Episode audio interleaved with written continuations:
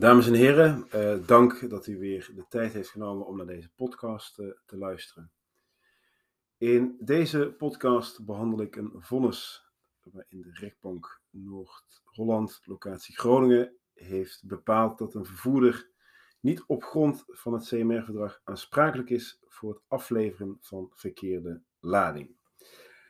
En ik vind het met name een interessant vonnis, omdat de rechtbank enigszins lijkt te worstelen met de rijkwijde uh, van het CMR-verdrag. Um, en volgens mij, dat is een beetje mijn conclusie, en daar kom ik dan later vanzelfsprekend op terug, uh, komt de rechtbank die worsteling niet helemaal goed te boven. Voordat dat, dat, ik daar verder op inga, eerst even kort de feiten die ik gemakshalve deels ontleen aan de samenvatting opgenomen in het Nederlands tijdschrift voor handelsrecht. Waar ging het over? Op 28 juli 2020 heeft PHD een koopovereenkomst gesloten met Cosmati voor de levering van 25.000 medische handschoenen. Cosmati die heeft DAW Trans ingeschakeld voor het vervoer van de handschoenen vanuit Polen naar het bedrijfsterrein van PHD in Grijpskerk. Eh, op 31 juli 2020 heeft DAW Trans de lading in een verzegelde vrachtwagen met de bijbehorende CMR-vrachtbrief in ontvangst genomen. De lading is op 4 augustus 2020 door DAW Trans in Grijpskerk afgeleverd. En dan na inspectie is gebleken dat geleverd is 18.600 dozen maten XS, 720 uh, dozen maat S en 2430 dozen maat M en 18 dozen maat L. Nou, uh, wat er ook van zij, uh, de handschoenen die waren niet allemaal van het merk Loftek en sommige dozen hadden een beperkte houdbaarheidsdatum. Nou, tussen de partijen eh, PHD en eh, DAW Trans is niet in geschil dat de goederen die op 4 augustus 2020 uh, eh, door PHD zijn ontvangen niet voldeden aan de koopovereenkomst die PHD met Cosmati heeft gesloten. dit geschil die draait om de vraag of de DAW Trans daarvoor aansprakelijk kan worden gehouden. En de rechterbank die overweegt eerst dat PHD door de daadwerkelijke acceptatie van de goederen heeft verklaard de wil te hebben gehad toe te treden tot de vervoerovereenkomst. En dit heeft dan onder meer tot gevolg dat via artikel 5 lid 1 Rome 1 de overeenkomst wordt beheerst door Pools recht. En de stelling van PAD die houdt in dat sprake is van verlies van de lading doordat de lading die geleverd had moeten worden niet is geleverd. Daarom is naar het oordeel van de rechtbank, of daarmee, excuus, daarmee is naar het oordeel van de rechtbank echter geen sprake van verlies van de, en in het vonnis staat het cursief, vervoerde goederen, zoals bedoeld in artikel 17 CMR. En met vervoerde goederen lijkt de rechtbank te bedoelen de goederen die volgens de koopovereenkomst vervoerd hadden moeten worden. En dan uh, gaat de rechtbank verder. Dan zegt zij, of dan oordeelt zij van aansprakelijkheid op de grond van de CMR kan dus geen sprake zijn.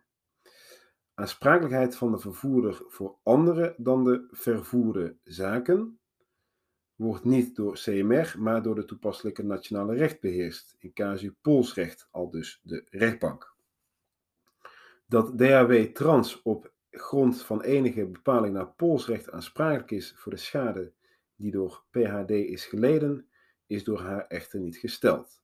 Aldus ontbreekt een grondslag aan de vordering van PHD. Blijkbaar heeft PHD wel gesteld dat DAW Trans opzettelijk de verkeerde lading heeft geleverd.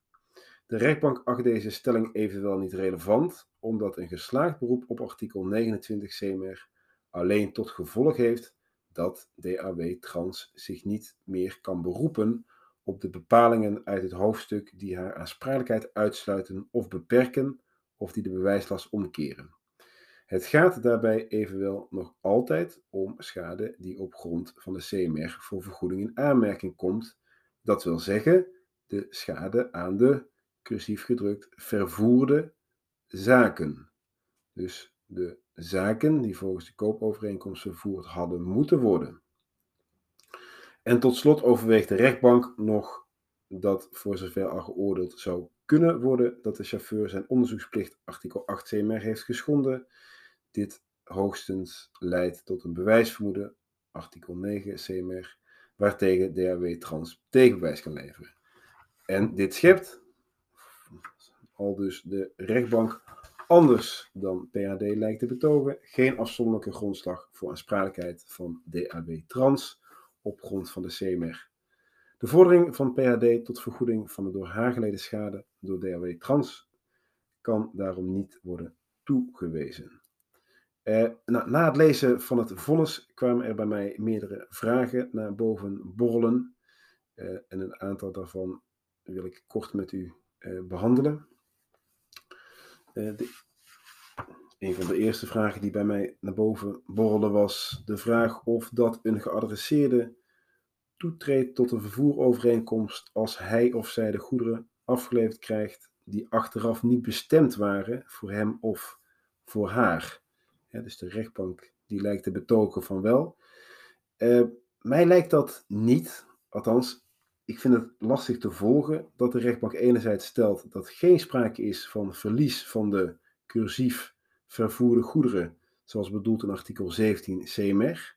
En anderzijds stelt dat PHD wel toegetreden is tot de vervoerovereenkomst, omdat zij de goederen, en dan niet zijnde de cursief gedrukte vervoerde goederen, in ontvangst heeft genomen. Volgens mij is het een of het ander. Uh, in mijn optiek kun je niet stellen dat PHD is toegetreden tot de vervoerovereenkomst. Je treedt pas toe als je de vervoerde goederen, dus lees de juiste goederen, accepteert en niet zomaar wat goederen. Uh, dat PHD wellicht bij het accepteren van de goederen ervan uitging dat sprake was van de vervoerde, hè, dus van de juiste goederen, maakt dat volgens mij niet heel veel anders eh, er kan in dat geval namelijk moeilijk worden volgehouden dat de wil en de verklaring met elkaar over, in overeenstemming waren. Ehm, dus volgens mij treedt in dit geval PHD niet toe tot de vervoerovereenkomst. Uh, ik sta altijd open uh, voor kritiek.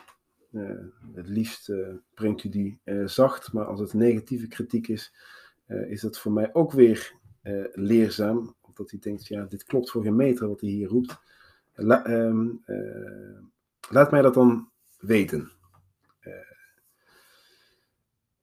En dan komt bij mij de tweede vraag naar boven borrelen. En die, die bouwt wel voort op het antwoord op, op de eerste vraag. Is de vraag van ja, uitgaande dus dat PHD niet is toegetreden tot de vervoerovereenkomst. Welk recht zou dan van toepassing zijn? Nou als PHD niet is toegetreden tot de vervoerovereenkomst, kom je niet toe aan artikel 5 lid 1 van Rome 1. Volgens mij kom je dan überhaupt niet toe aan Rome 1, omdat van een grensoverschrijdende overeenkomst in dit geval helemaal geen sprake is. Nu ga ik een beetje met grote stappen uh, snel thuis. Uh, maar in mijn optiek is dan via de hoofdregel van artikel 4 Rome 2 Nederlands recht van toepassing. Eh, uit deze regel volgt immers dat het recht van toepassing is van het land waar de schade zich voordoet, ongeacht in welk land de schade veroorzakende gebeurtenis heeft voorgedaan en ongeacht in welke landen de indirecte gevolgen van die gebeurtenis zich voordoen. Het land waar de vermeende schade zich voordoet is Nederland immers. PHD zit kort gezet met de gebakken peren. Nou, als even uitgaan dat het Nederlands recht van toepassing is, zou dat de uitkomst van de casus hebben veranderd? Uh, daar durf ik geen zinnig antwoord op te geven. Uh, maar wat volgens mij wel in dat geval zo is, is dat de rechtbank zich in dat geval wel had moeten buigen over de vraag of het opzettelijk leveren van de verkeerde lading een onrechtmatige daad uh, van de vervoerder, DAW Trans, zou hebben opgeleverd. Het is mij niet bekend of PAD de stelling heeft ingenomen dat er sprake is van een situatie als bedoeld in artikel 29 uh, CMR, omdat de vervoerder opzettelijk de verkeerde lading zou hebben geleverd. Maar ook al zou dat zo zijn, dan had de rechtbank volgens mij via artikel 25 rechtsvordering de rechtsgronden moeten aanvullen en derhalve de stelling dat sprake is van een opzettelijke levering van verkeerde lading dienen te toetsen aan de vereisten van de onrechtmatige daad. Um, dan los van bovenstaande is het in mijn optiek opmerkelijk dat de rechtbank de gevolgen van het antwoord op de vraag of de vervoerder de verkeerde lading heeft afgeleverd in het licht van artikel 29 CMR plaatst. De rechtbank overweegt immers eerder dat een dergelijke aansprakelijkheid, aansprakelijkheid van de vervoerder voor andere dan de vervoerde zaken, niet door het CMR, maar door het nationale recht wordt beheerst. Nou tot slot merk ik op dat als mijn analyse juist is en de rechter toetst aan de onrechtmatige daad, het voor PHD eh, allerminst een gelopen uh, race is. de chauffeur die stelt namelijk samengevat dat op enig moment door mensen van afzender weer gelost en geladen werd nadat de container al verzegeld was. die verklaring komt er simpelweg op neer. Mij is, niet, is het niet afleveren van de juiste goederen niet toe te rekenen. Ehm, nou tot slot, ik heb begrepen dat er hoger beroep is ingesteld van dit vonnis. Uh, ik ben zeer benieuwd via welke lijnen het Hof de zaak gaat beoordelen. Nou, dit, deze podcast ging gedeeltelijk over het onderwerp aflevering. Wanneer is er nou sprake van het begrip afleveren? Nou, mocht u deze, de eindstreep van deze podcast hebben gehaald, dan nog een leestip van mijn kant voor diegenen die alles willen weten over het begrip aflevering. Ik merk erbij op dat deze, dit uh, vonnis niet is behandeld in het artikel. Uh, ik denk dat het artikel toen al klaar was en bovendien is het een vrij exotisch beestje, dit vonnis. Maar in het tijdschrift Vervoer en Recht is onlangs een mooi overzichtsartikel over dit onderwerp verschenen aan de hand van Vincent Hofman Simone van Gestel en Isabo uh, Zwemmelaar van het kantoor Den Hollander Advocaten. Um, nou, dat raad ik u zeer aan, zeker als het gaat om een overzichtsartikel. In hetzelfde tijdschrift uh, uitgave is er ook een artikel verschenen van meester Biskop uit België over het begrip aflevering, hoe dat in België daarmee wordt omgegaan. Nou, tot slot, ik hoop dat u er iets aan heeft gehad aan mijn podcast. Eh, nogmaals, eh, mocht u daar kritiek op hebben of mocht u vragen hebben over de inhoud van de podcast of alleszins, laat u mij dat weten, uh, flip.fliplegal.nl. En dan rest mij uh, weinig anders om uw prettige feestdagen te wensen.